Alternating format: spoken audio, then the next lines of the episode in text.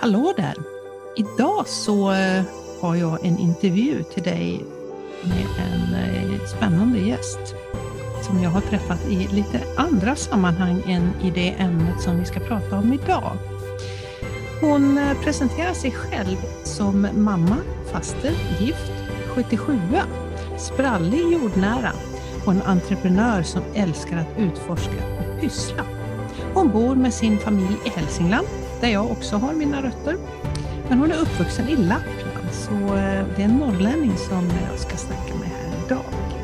Nu ska jag avslöja vem gästen är. Hon heter Jenny Sandfors. Välkommen Jenny! Tack så jättemycket! Och du och jag har ju träffats i, eh, eftersom vi båda jobbar online i, i olika kretsar under ganska många år nu va? Ja, det känns ja. det som. Ja. ja. Man dyker på varandra lite här och där. Och... och det här med att, att jobba online, om, om vi börjar i den änden, det, både du och jag har ju gjort det väldigt länge. Jag läste i din bok som vi ska prata mer om här idag också, just det här att du, du var väldigt tidig ute på den resan. Mm. Ja, 2003 startade jag företaget, en ja. webbyrå. Ja. Så det är 17 år nu. Ja. Mm. Vad kul. Mm. Ja, jo, men det har varit en rolig resa. Verkligen. Mm. Och idag så är ju det världens, det mest självklara, åtminstone har det blivit så det senaste året, att uh, jobba online. Mm. Ja, alltså jag började på en uh, utbildning som heter distansutbildning i distansarbete redan mm. 96. Um, så då var vi ju tidigt ute med det här att koppla upp oss och snacka online. Så att det har ju verkligen utvecklats, vilken skillnad det är. Ja, idag. det måste man ju säga. Ja. mm. Och det är egentligen inte det vi ska prata om här idag, utan vi ska prata om, eh, om din bok. För du skrev en bok här och den kom i våras, är det så? Ja, precis, mm. här i april. Mm. Och där berättar du en helt annan historia än eh, den om onlineutbildningar och, och, mm. webb, och webbtjänster. Vad var det som, som fick dig att vilja berätta din historia i en bok? Eh, jag hade ju gått igenom så mycket som handlade om alltså skam. Jag, jag skämdes så mycket över att jag hade fått en diagnos, en mm. psykisk sjukdom. Um, och jag la så otroligt mycket energi på det. Så att efter eh, så här sex, sju år så kände jag att tänk om jag inte hade lagt all den här tiden på att eh, skämmas och liksom vad är de här fördomarna som finns. Och mycket mm. hade jag kunnat gjort för att må bra istället. Mm. Så att jag har känt att jag vill vara med och hjälpa till att bryta det här stigmat och de här fördomarna. För att mm. det är liksom, för att bryta stigman så behöver vi sprida kunskap. Mm. Och, och, den, den diagnosen som du fick, eh, vilken diagnos var det? Bipolär, mm. typ 1. Mm. En sån här eh, undran då, det, det kallades för manodepressiv, är det sånt där som är borta? Bara ja. det låter ju liksom... Precis, de tog bort den, eh, de bytte namn på det helt enkelt. Mm. Mm. Det skulle passa mer, för det, är, det finns olika liksom skiftningar i diagnosen, i hur man mår. Mm. Då kunde man få in lite mer eh, spektra på den. Mm. Och I den här boken, som, eh, som jag förresten vill rekommendera till alla som lyssnar till det här, så eh, du har skapat en, en helt fantastisk, och du ska jag inte säga historia, utan en helt fantastisk berättelse av det som du har gått igenom. Boken heter alltså Bipolär fånge i min egen historia. Och ja, det, det känns... Jag har läst den här boken och det känns som, ungefär som att du suger in mig i din berättelse och sen blir jag liksom kvar där och, och, och åker med under hela den här eh, under, under, under, hela den här, jag vet inte egentligen hur lång, hur lång tid den, den sträcker sig. Ja, den börjar 2013 kan man säga. Mm. Mm. Och, ja, berätta lite om, om vad, vad var det som hände egentligen? Ja, alltså det började som en depression och bara där så hade jag svårt att ta till mig det. Jag hade stressat jättemycket i företaget och verkligen försökt liksom pressa in mig i olika mallar och normer kring hur man skulle vara som entreprenör och sådär. Um, och kämpat väldigt mycket så. Mm. Och det här ledde till att jag gick in i en depression. Men jag valde att ah, jag ska klara det själv, jag vill inte ta hjälp. Och såg väl inte riktigt heller hur jag skulle kunna få hjälp med det, som tänkte att ah, jag får väl skärpa ihop mig sådär. Mm.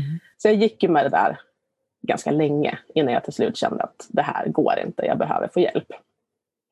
Och då fick jag ju antidepressiv medicin som gjorde att jag tog mig upp på banan igen. Men har man, liksom, vi visste, hade ju ingen aning om att jag bar på bipolär sjukdom i botten. Mm. Och äter man antidepressivt så kan det göra att man då skjuter upp i en mani. Alltså man, man går liksom i det här energiläget från depression när man är jättelåg på energi mm. till att man flyger iväg åt helt andra hållet istället. Så att eh, hösten 2014 då kände jag liksom att ah, livet börjar vara härligt. Äntligen är depressionen över. Det var så otroligt skönt och jag fick energi, jag orkade göra saker. Och, och sen började jag få ett otroligt bra, en, alltså bra självkänsla. Så mm. där, det liksom växte ju pö om pö. Men till slut var det så där att jag, åh, jag älskade mig själv på riktigt. Liksom. Det var helt enormt, en enorm känsla. Eh, och jag var väldigt så kontaktsökande och mer, men mer extrovert än vad jag, jag är ju en introvert person, men det där skiftade liksom. Mm. Det fanns liksom inga hinder, det fanns inga rädslor kring någonting, utan allt var möjligt.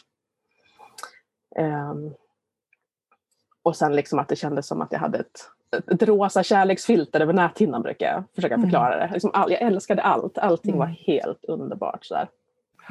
Och jag tycker det är så, så häftigt för du har ju illustrerat de här kapitlen i din bok så att man kan gå in och lyssna på webben och där har du satt låtar till de här olika kapitlen. Mm. Och jag är ju Queen-älskare.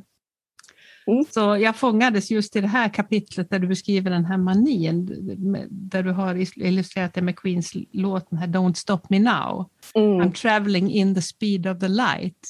Ja. Det, jag känner, det, jag ryser när jag tänker på det, för det, det, det fångade på något vis. Mm. Ja men det var verkligen sådär. Och sen att liksom, har gått från det här depressiva stadiet till att äntligen må så bra.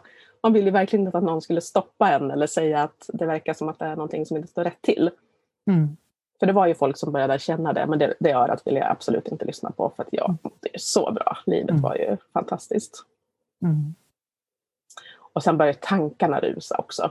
Så att det, kom liksom, det kom idéer från alla håll och bara rusade genom huvudet på mig. Och det var ju någonting som jag aldrig hade upplevt på det sättet, liksom, att få sådär mycket idéer och, och tankar. Ge, genomförde du alla idéer eller hann du göra någonting av dem? Eller? Eh, jag, höll på, jag har en, en projektplan för ett flow-optimerat kontorshotell. Mm. Lite uträknat. och jag bokar möten med folk och jag grejer. Så jag var ju liksom på hugget och surrade om mina idéer och, och sådär. Satt på mm. nätterna och skrev projektplaner. Mm. Och det är ganska typiskt liksom, i ett sånt här maniskt skov då, att man, mm. man får mycket idéer och, och startar igång projekt och så. Mm. Mm. Men kunde du sköta ditt vanliga jobb då? Ja, men hyfsat ändå. Men sen till slut började jag, när det hade gått för långt så började jag liksom röra ihop saker. Och jag mm. blev ju så otroligt stressad. För det var som att alla de här idéerna som kom gjorde mig till slut så stressad. För att hjärnan ville ju liksom sortera det här. Mm. Vem ska ha den här idén? Vem ska ha den? Och det måste vara till den där personen. Jag måste ringa och berätta. Alltså det var mm. bara för mycket så. Så att då började jag som röra ihop saker och ha svårt mm. att sköta vardagen. Mm. Så att um, till slut så hamnade jag då på en sluten psykiatrisk avdelning där vi förstod, eller när mina anhöriga förstod att det var, det var något som inte stod rätt till. Mm. Men jag kände mig ju bara precis som mig själv. Så det var jättekonstigt. Varför skulle jag vara på sjukhuset? Liksom? Mm. Jag var ju bara mig själv. Jag kände mig inte alls konstig eller annorlunda. Liksom. Mm. Att, eh. att, bli eh, inlåst, blir man inlåst förresten? Ja, det blir man. Hur, hur, hur kändes det? Nej, men det är ju väldigt obehagligt. Och jag, menar, jag kände att ska man vara inlåst, då har man ju gjort något. Och jag liksom så här febrilt försökte tänka, har jag gjort något? Liksom? Vad har jag gjort? Jag har inte gjort något. Jag jobbade ju liksom, för mina projekt, på slutet så handlade det om fred på jorden. Ja. Och jag känner att jag har ju så fantastiska projekt, jag måste ut och få fortsätta med det här. Och du vet, jag hade bokat massa möten, jag hade inte tid att vara där tyckte jag. Mm. Och så känslan av att bli frihetsberövad är ju jätteknepig. När man inte alls förstår vad det handlar om. Och hur länge, hur länge, hur länge blev du inlåst? Då? Eh, två veckor var jag där. Ja. Och det var ju för att de behövde justera litiumnivån. Mm. Man äter litium då om man har bipolär typ 1. Eller ja, det Mm. finns andra mediciner också, men det var det som de satte mig på. Justera den nivån då. Mm. Mm. Ja, sen då? Ja. Lång väg tillbaka eller vad, vad hände? Ja, sen blev det lång väg tillbaka för att jag hade ju så svårt att ta till mig det här. Att jag skulle ha en sjukdom. Eh, och så, jag hade liksom för lite kunskap kring det. Jag hade hört talas om det och hade lite koll. Så. Men, men jag fick, hade liksom en bild av att nu kommer jag vara sjuk jämt. Jag kommer aldrig mer att kunna jobba. Det var liksom de idéerna jag hade kring det. Och det var bara nattsvart, för jag älskar ju mitt jobb och, och så. Så att det blev jättejobbigt att ta till sig det. Och då blev det som enklare att bara stänga det inom mig och liksom låtsas som att allt är som vanligt. Mm. Vägra prata om det och, och så. Så att jag försökte ju liksom hemlighålla det Mm. för omgivningen. Så det kändes som att jag liksom tog på mig en, en skyddsrustning för Mm. att skydda mig från den här, all den här skammen som jag kände. Men, men den fanns ju där på insidan. Mm. Och det är ju den här häftiga bilden som, som finns på framsidan av boken. När du eh, lyfter, jag vet inte om du lyfter av eller du lyfter på den här, du lyfter av kanske, lyfter av Ja. tunga. Precis. Vi var på Livrustkammaren, jag och en fotograf som heter Janine Lag. Och så Ja. fick vi låna en riktig sån där 1700-talsrustning. Och den var så tung, så det var så häftigt sen när vi tog av den. Så Ja. blev det lite, lite symboliskt att bara, åh, nu får det här vara över. Liksom. Mm. Mm. Vad häftigt. Mm. Och ja, sen... Eh, vad hände sen då när, när du... Du pratar, du pratar om det, just den här resan, resan därifrån och hit till nu. Vad, vad, hur har Mm. livet sett ut? Ja, men jag insåg till slut, jag började läsa på och utforska om det här och om skam framför allt. Och Mm. insåg att jag behöver börja prata om det. Mm. Och sätter man ljus på skammen så, så läste jag att då kan det släppa. Mm. Och till slut så kände jag att det finns liksom ingen annan väg att gå. Jag hade Mm. kommit till vägs ände med det. Så då började jag prata lite försiktigt om det i, i några liksom små grupper så där på Facebook som jag hade kontakt med. Jag gick lite olika kurser och fick kontakt med folk och, så där och vågade lätta lite på locket. så. Och blev ju så otroligt väl mottagen och varmt mottagen av dem. Mm. Så att det kändes som att det, ja, men det lättade steg för steg för steg. Så att jag liksom idag kan prata om det helt obehindrat. Men från början var det så att bara någon liksom i ett fikarum sa psykisk ohälsa så bara vart jag alldeles stel och det kändes som att jag blev knallröd i ansiktet och fick ludd i öronen. Och, Mm. och, och sånt där kände jag, det, det går ju liksom inte att leva. Mm. Att, att någon liksom skulle, tänker du att någon skulle se på dig? Liksom? Ja, precis. Ja. Åh, Ja. Tänk om någon frågar mig något. Och jag vill ju inte liksom ljuga sådär, men jag vill ju inte berätta Mm. om det. Så. Ja, mycket sådana konstiga tankar. Mm. Mm. Jag tänker, du bor ju heller inte i någon sån här jättestor stad. Nej, Hur, hur, hur fungerade det där och sådär? Vad, vad, visste folk om det här eller hur? ja, de bekanta visste jag, eller närmaste vänner jag visste Mm. om det. Men sen vet, visste jag inte riktigt vad folk visste. Och det gjorde det också jobbigt. För jag, jag hade inte förmåga att lyfta frågan. Nej. Så, utan det fick bara vara locket Mm. på. Eh, men sen är det så här i en liten stad. Det är liksom, när jag ska gå och lämna eh, blodprov för att kolla litiumnivån så är det, liksom, det har ju varit barnens eh, kompisars mammor som har suttit där. Mm. Och, men då hade jag ändå kommit en liten bit på vägen så att det kändes rätt okej, även fast det var jobbigt. Mm. Men hade det varit från början där, då hade jag nog backat ut och sprungit därifrån. Mm. Och hur skulle du vilja att vi eh, Ja, men att vi, utan, att vi andra, liksom, hur, hur hade du velat bli bemött i det här? Så här i efterhand. Eh, alltså, eftersom jag inte pratade om det så var det ju ingen som behövde bemöta mig riktigt heller. Eh, men, men om man, eh, när jag liksom började prata om det och jag kände liksom den här värmen tillbaka, att det var här är inget konstigt, du behöver inte skämmas. Det var ju en sån enorm lättnad. Mm.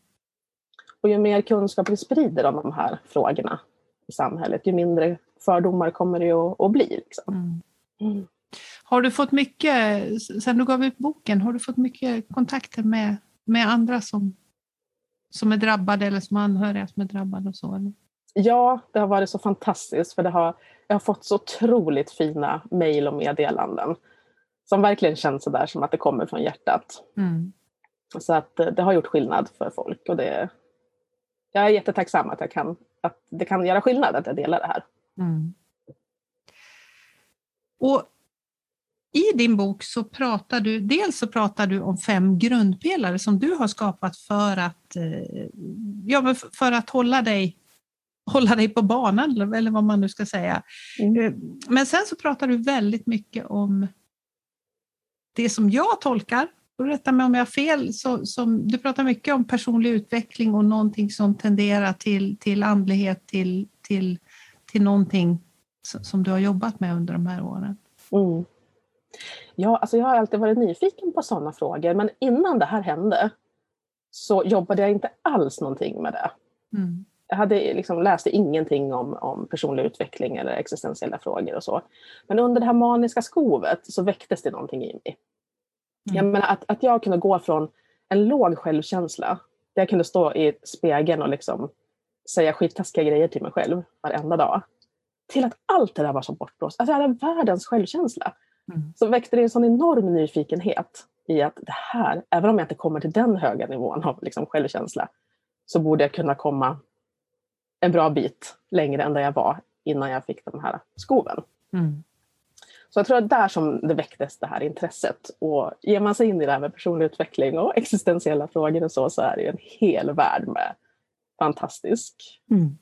en fantastisk resa man kan göra med sig själv mm. som aldrig tar slut. Liksom. Mm. Och vad, vad, eh, det finns ett citat här i boken som säger så här, eh, då säger du så här, vi kan skapa vårt eget universum, vår egen cirkel där var och en av oss står i mitten. Där inne bestämmer vi reglerna, hur vi får tänka, tycka och ta oss an oss själva. Mm. Jag tycker det var fint. Ja, det där handlar ju om att liksom jobba inifrån och ut. Mm. Jag var ju så otroligt utifrån styrd innan allt det här hände. Mm. Att jag brydde mig så mycket om vad alla andra skulle tycka och tänka. Att jag liksom glömde bort mig själv i det. Så den här resan, om jag ska se liksom det positiva med det, där jag står idag, så jobbar jag mer inifrån och ut och inser mm. att då strålar jag av en härligare energi som spiller av sig liksom på folk runt om mig på köpet. Liksom. Mm. Och det blir på ett helt annat sätt att leva. Mm. Och vad, vad är liksom grundreceptet till det, att jobba inifrån och ut för dig? Eh, det har ju varit den här personliga utvecklingsresan. Mm. Jag har gått kurser, jag har läst massa saker och ja, böcker och sådär. Och ja, försökt hitta den där kärnan i sig själv. Mm. Har du hittat det? Alltså man får jobba hela tiden med det. Men om jag jämför med hur det var då innan, vi säger 2013, innan 2013, mm. så är jag på en helt annan plats idag. Jag känner mig så mycket lugnare i mig själv och bara hitta redskap som att liksom meditera och andas djupt och mm. ta vara på livet, liksom njuta av livet. Mm. Gör att allt känns så himla mycket lugnare och härligare. Mm. Mm. Och du har ju skapat fem grundpelare. Berätta lite, om, berätta lite övergripande, för jag, jag mm. tänkte att vi skulle ge lyssnarna den presenten att få de här, de här fem stegen.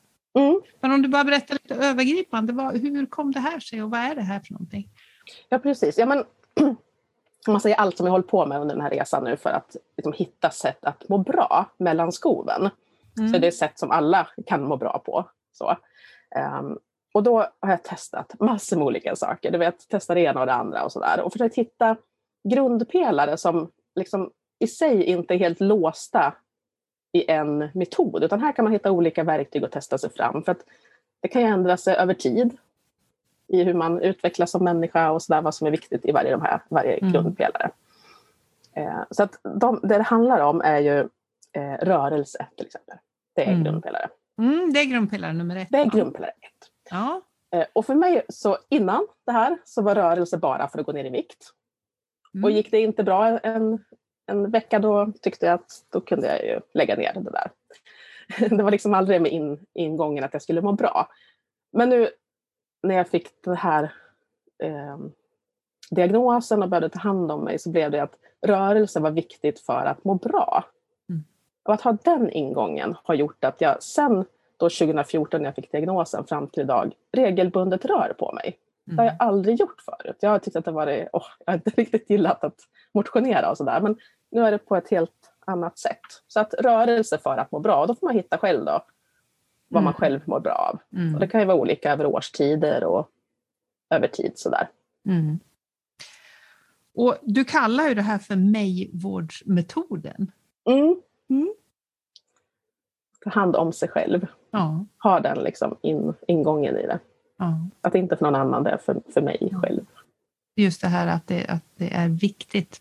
Jag tänker på det som du säger, att röra sig, just det här för att någon annan säger att man ska göra det, eller för att man ska följa någon, någon sån här, ja, någon sån här 30 dagars modell liksom någonstans och så snubblar man någonstans där Mm. i mitten.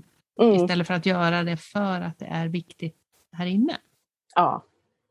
ja, det blir sån skillnad. För då är det liksom, ja, men vill jag gå ut och gå idag för att må bra? Ja, jag vill ju må bra. Mm. Mm. Mm. Rörelse. Mm. Och efter ett så kommer förmodligen nummer två, misstänker. Ja, då har vi bränsle. Och det handlar ju om vad vi stoppar i oss. Mm. Ehm, och se till att få... För mig är det viktigt med ett jämnt liksom, blodsocker och tänka på lite små mellanmål och liksom, ta hand om det här med mat över dagen. Mm. Så gör det så stor skillnad. Mm. Så där är också liksom att inte måla in sig i ett eller annat hörn heller med någon diet eller något, utan man får te- testa sig fram själv. Men att man har, har en plan för det. Mm. Och vad passar bra för dig? För mig passar det bra att dra ner lite på kolhydraterna. Jag är ju en riktig sockerråtta. Mm. Så att jag får hålla lite koll på det. Men ändå inte liksom förbjuda någonting. För jag har ju alltid hållit på då liksom och försökt, "Åh, nej men då ska jag förbjuda godis och sådär och inte få undan med något. Men nej, jag har hittat en bra balans där nu tycker jag. Där det är, Mm. på vardagar äter jag på ett sätt och sen kan jag njuta och festa på helgen liksom med Mm. lite godsaker. Mm. Och det var nummer två. Sen kommer vi till nummer tre och den blir jag lite nyfiken på. Själslig heter den. Mm. Jag tänker ju att när man har en sån här psykisk ohälsa så, att, så här, känns det lite grann som att man har ont i själen. Mm. Alltså framförallt när jag hade depression. Då kändes det som att det gjorde ont i själen på något sätt. Det var någonting som skavde. Mm. Eh, så att den grundpelaren känner jag är min viktigaste. Och det handlar ju om att ta hand om mitt, mitt inre. Så, Mm. verkligen. Ehm, meditera har ju varit en bra grej för mig. För att Mm. komma in och få lite svar och hitta de här svaren på frågorna som finns där inne. Ehm, det har också varit att ja, men bara så här, ta för sig och njuta av livet. Se till, för mig är det jättehärligt att liksom ha inbokat att kunna gå på en teater, någonting att se fram emot. Sådana grejer. Eller bara liksom regelbundet gå ut i naturen. Göra sådana saker som man kanske vill men ibland inte lägger in plats för. Mm. Eh, Gå på massage. Alltså massage var jättehäftigt för mig. Jag gick på så healing-massage Mm. med energier och så och blev masserad. Och så efteråt så hade vi ett coachingsamtal. Eftersom jag var så slutad, jag provade att gå till liksom landstingspsykolog och så, det funkar inte riktigt för mig. Jag liksom blev bara tyst, jag hade inget Mm. att säga. Men när jag fick den där massagen, kommer ner i så här lugnt varv och så satte vi oss och pratade efteråt och så ställde hon eh, ja, men de rätta frågorna för mig. Och det bara, du vet, det bara öppnade sig som värsta dörren. Så här. Det bara välde ut grejer. Ja. Så det tyckte jag var häftig, häftig Ja. grej. Och, och, och när, när du får, när du får liksom välla ur dig på det viset, vad, vad händer med dig då? Jo, men det släpper ju spänningar och, och så. Man känner att det är som att ta ett djupt andetag och andas ut och bara åh, Mm. vad skönt. Mm. Mm. Ja. Finns något mer tips där? Eh, det kan ju vara allt möjligt där på, på själsliga. Det kan ju vara till exempel att skapa. Mm. Att man hittar någonting som man, något, där kreativiteten får släppas lös. Så man liksom tappar det här lite tid och rum och bara får vara i, i, i flow. Mm. Har Det du någon vara- egen favorit där? Jag tycker om att sitta och måla och pyssla och det kan vara lite olika över tid vad jag pysslar med. Men jag är en riktig pysseltjej så har jag alltid varit. Mm. Mm. Då sitter jag liksom och målar lite eller håller på med, med någonting sånt där Mm. kreativt och försvinner i tiden. Mm. Mm. Mm. Rörelse, bränsle, själslig och eh, vad händer sen? Eh, sen är det två grundpelare som hör ihop, göra och vila. Mm. Och där tänker jag liksom att viktigt att göra saker, att inte liksom blir, blir liksom försoffad heller. För det är ju lätt om man till exempel är inne i depression och sådär, att man, man orkar inte ta sig för saker. Men då kanske man kan ta de där små stegen att göra saker. Och sen även när man är, som jag är högpresterande så behöver jag tänka på att, att ha balans där i när jag gör saker och att jag behöver vila också. Och lägga in Mm. liksom vila i om, om vi pratar om arbetsdagen, så att få in liksom korta raster. Mm, du hade något bra tips i din bok där om, om hur, hur en arbetsdag, Ja, du har lagt upp det. det har jag jobbat mycket med att liksom designa Mm. arbetsdagen. Berätta gärna lite grann. Hur, hur, Mm. Eh, en bra grej är att titta på när man har sin prime time. Alltså när jobbar jag som bäst? Är det på förmiddagen eller på eftermiddagen eller är det vissa timmar? Och så utgå lite från det när man bygger sitt schema. Eh, sen titta också på så cykler. Alltså är man kvinna kan man titta på sin menscykel till exempel. Det är ju väldigt intressant och underlättar ju livet väldigt mycket. Mm. Att jag liksom, ja men, har jag PMS så kanske jag inte ska vara ute och föreläsa. Utan jag kanske ska hem och göra lite andra grejer. Mm. Ehm, så så att, ja, att man ju med sin egen, sitt eget mående över den cykeln.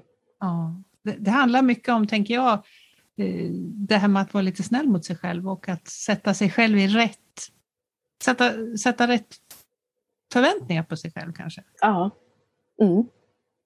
Ja, det var bra sammanfattat. Ja. Mm.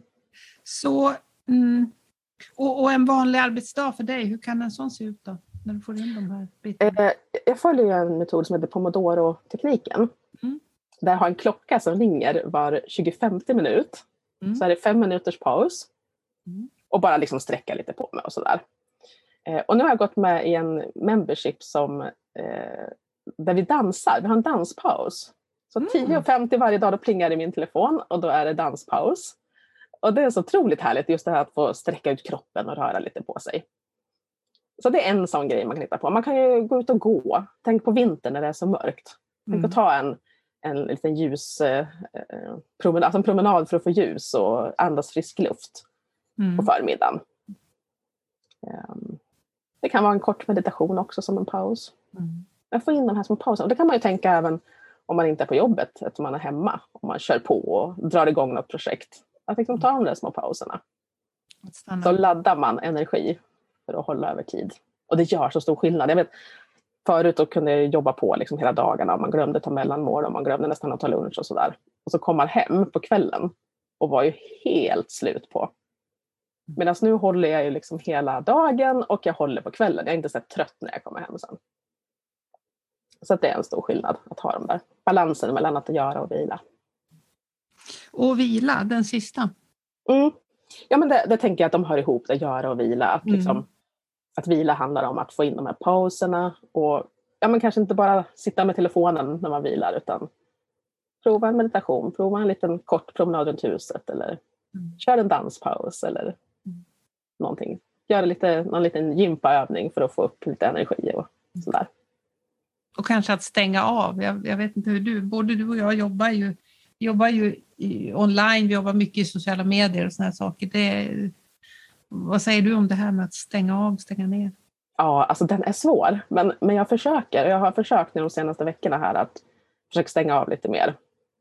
För det är så lätt att ta telefonen med sig när man ska ha sin lilla paus. Mm. Och så blir det att man sitter där och jobbar ändå för att ah, nej, jag kan lägga upp en story eller jag kan förbereda den där mejlet eller något. Mm.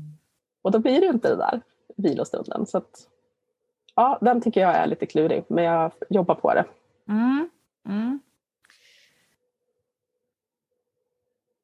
Ja, jag tycker det här är en fantastisk metod. Jag hörde dig prata om den här och sen har jag läst den också i boken och, och jag tänker att eh, oavsett hur vi mår psykiskt så, så inbillar jag, jag mig i alla fall att alla skulle må bra av den här metoden. Mm. Ja, det är flera som har sagt det, som har läst boken också, som känt att det är något att prova. Ja. ja. Mm. Mm. Eh, ja, vad händer? Vad tänker du att den här boken och den här resan kommer att ta dig framåt?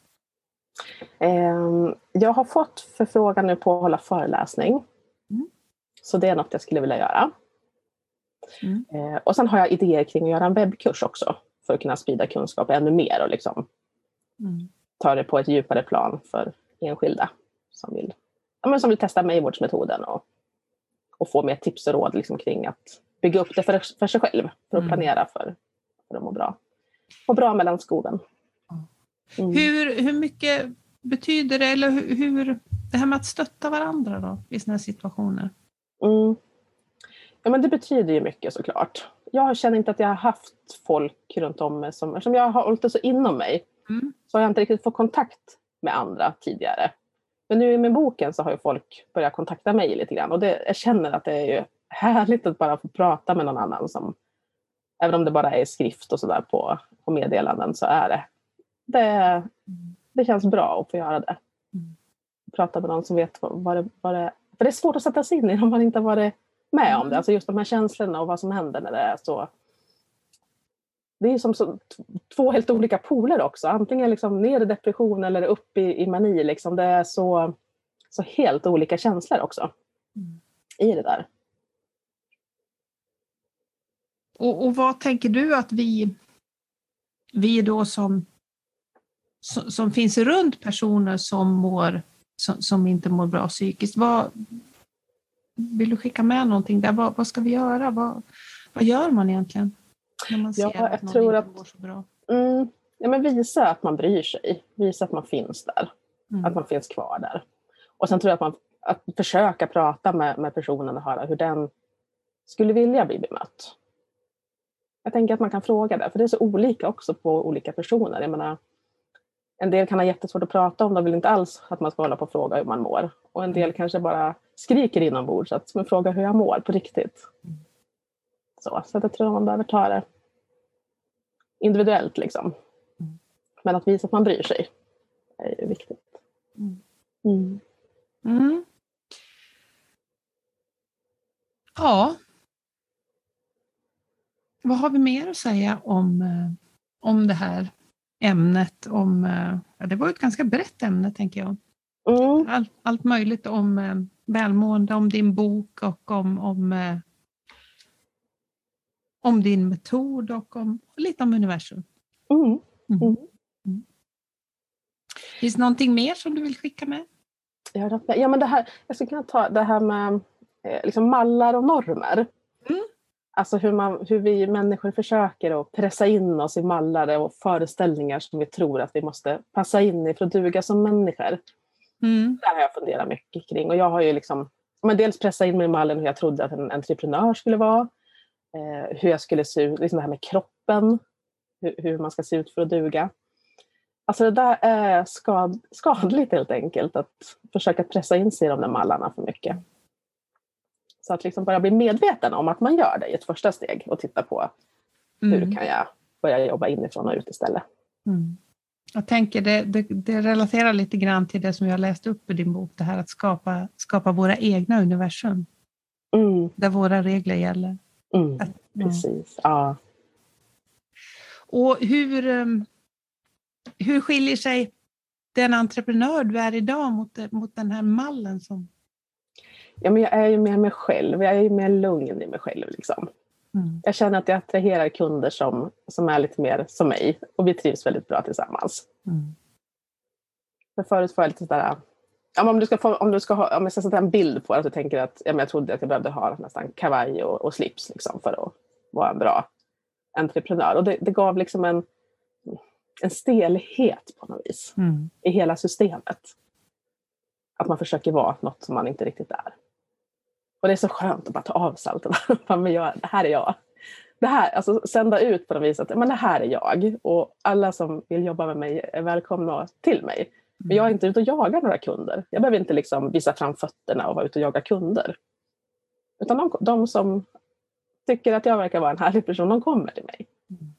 Så det jag behöver göra är att dela och visa vem jag är. Och det är en stor skillnad. Det blir liksom ett lugn i allting och det blir roligt. Det är otroligt mycket roligare att jobba så än att tro att jag måste ut och ringa säljsamtal och ut och sälja. Och, Mm. ja, det är sälj på ett helt annat sätt. Mm. som passar min personlighet. Sen är vi alla olika, så att alla gör ju på olika sätt, men för mig passar det. Mm. Det var ett bra tips tycker jag, att uh, utforska lite mer om uh, vad just ditt universum består av och uh, hur det ser ut där i ditt universum. Mm. Mm. Ja, tusen tack Jenny för att du ville berätta om din resa och din bok och om mycket annat. Tusen tack för att jag fick vara med. Jättekul. Och för den som vill köpa boken av dig, Mm. vad ska de ta vägen då? Då går de in på bipolär.se. Mm. En sajt som jag driver, så där kan man köpa direkt av mig. Mm. Bara säga till om man vill ha den signerad. Toppen! läser det. Och då lägger jag en länk också i det här avsnittet så um, kan ni gå in och titta där. Tusen tack Jenny! Tusen tack! Och där försvann Jenny tillbaka till sitt eh, kontor, till sitt sätt att driva företag på. Och jag vill eh, tacka dig för att du har lyssnat på oss idag och läsa några rader från ett kort som Jenny skickade till mig när jag beställde boken med några jättefina frågor. Det handlar om mig-vård. Hur vill du ta hand om dig själv det kommande året? Och om du ställer dig i strålkastarljuset, vad behöver du för att må bra inifrån och ut? Om du gillar det jag gör så gå gärna in och skriv en recension på iTunes eller där du lyssnar på din podd. Du kan också titta in till mig på Instagram. Där heter jag Kiki Westerberg och säga hej. Det tycker jag är jättekul. Ja, jag hoppas att du har det riktigt bra, att du får en fin dag, en fin vecka framför dig och att du lyssnar på cirkeln nästa vecka igen. Sköt om dig!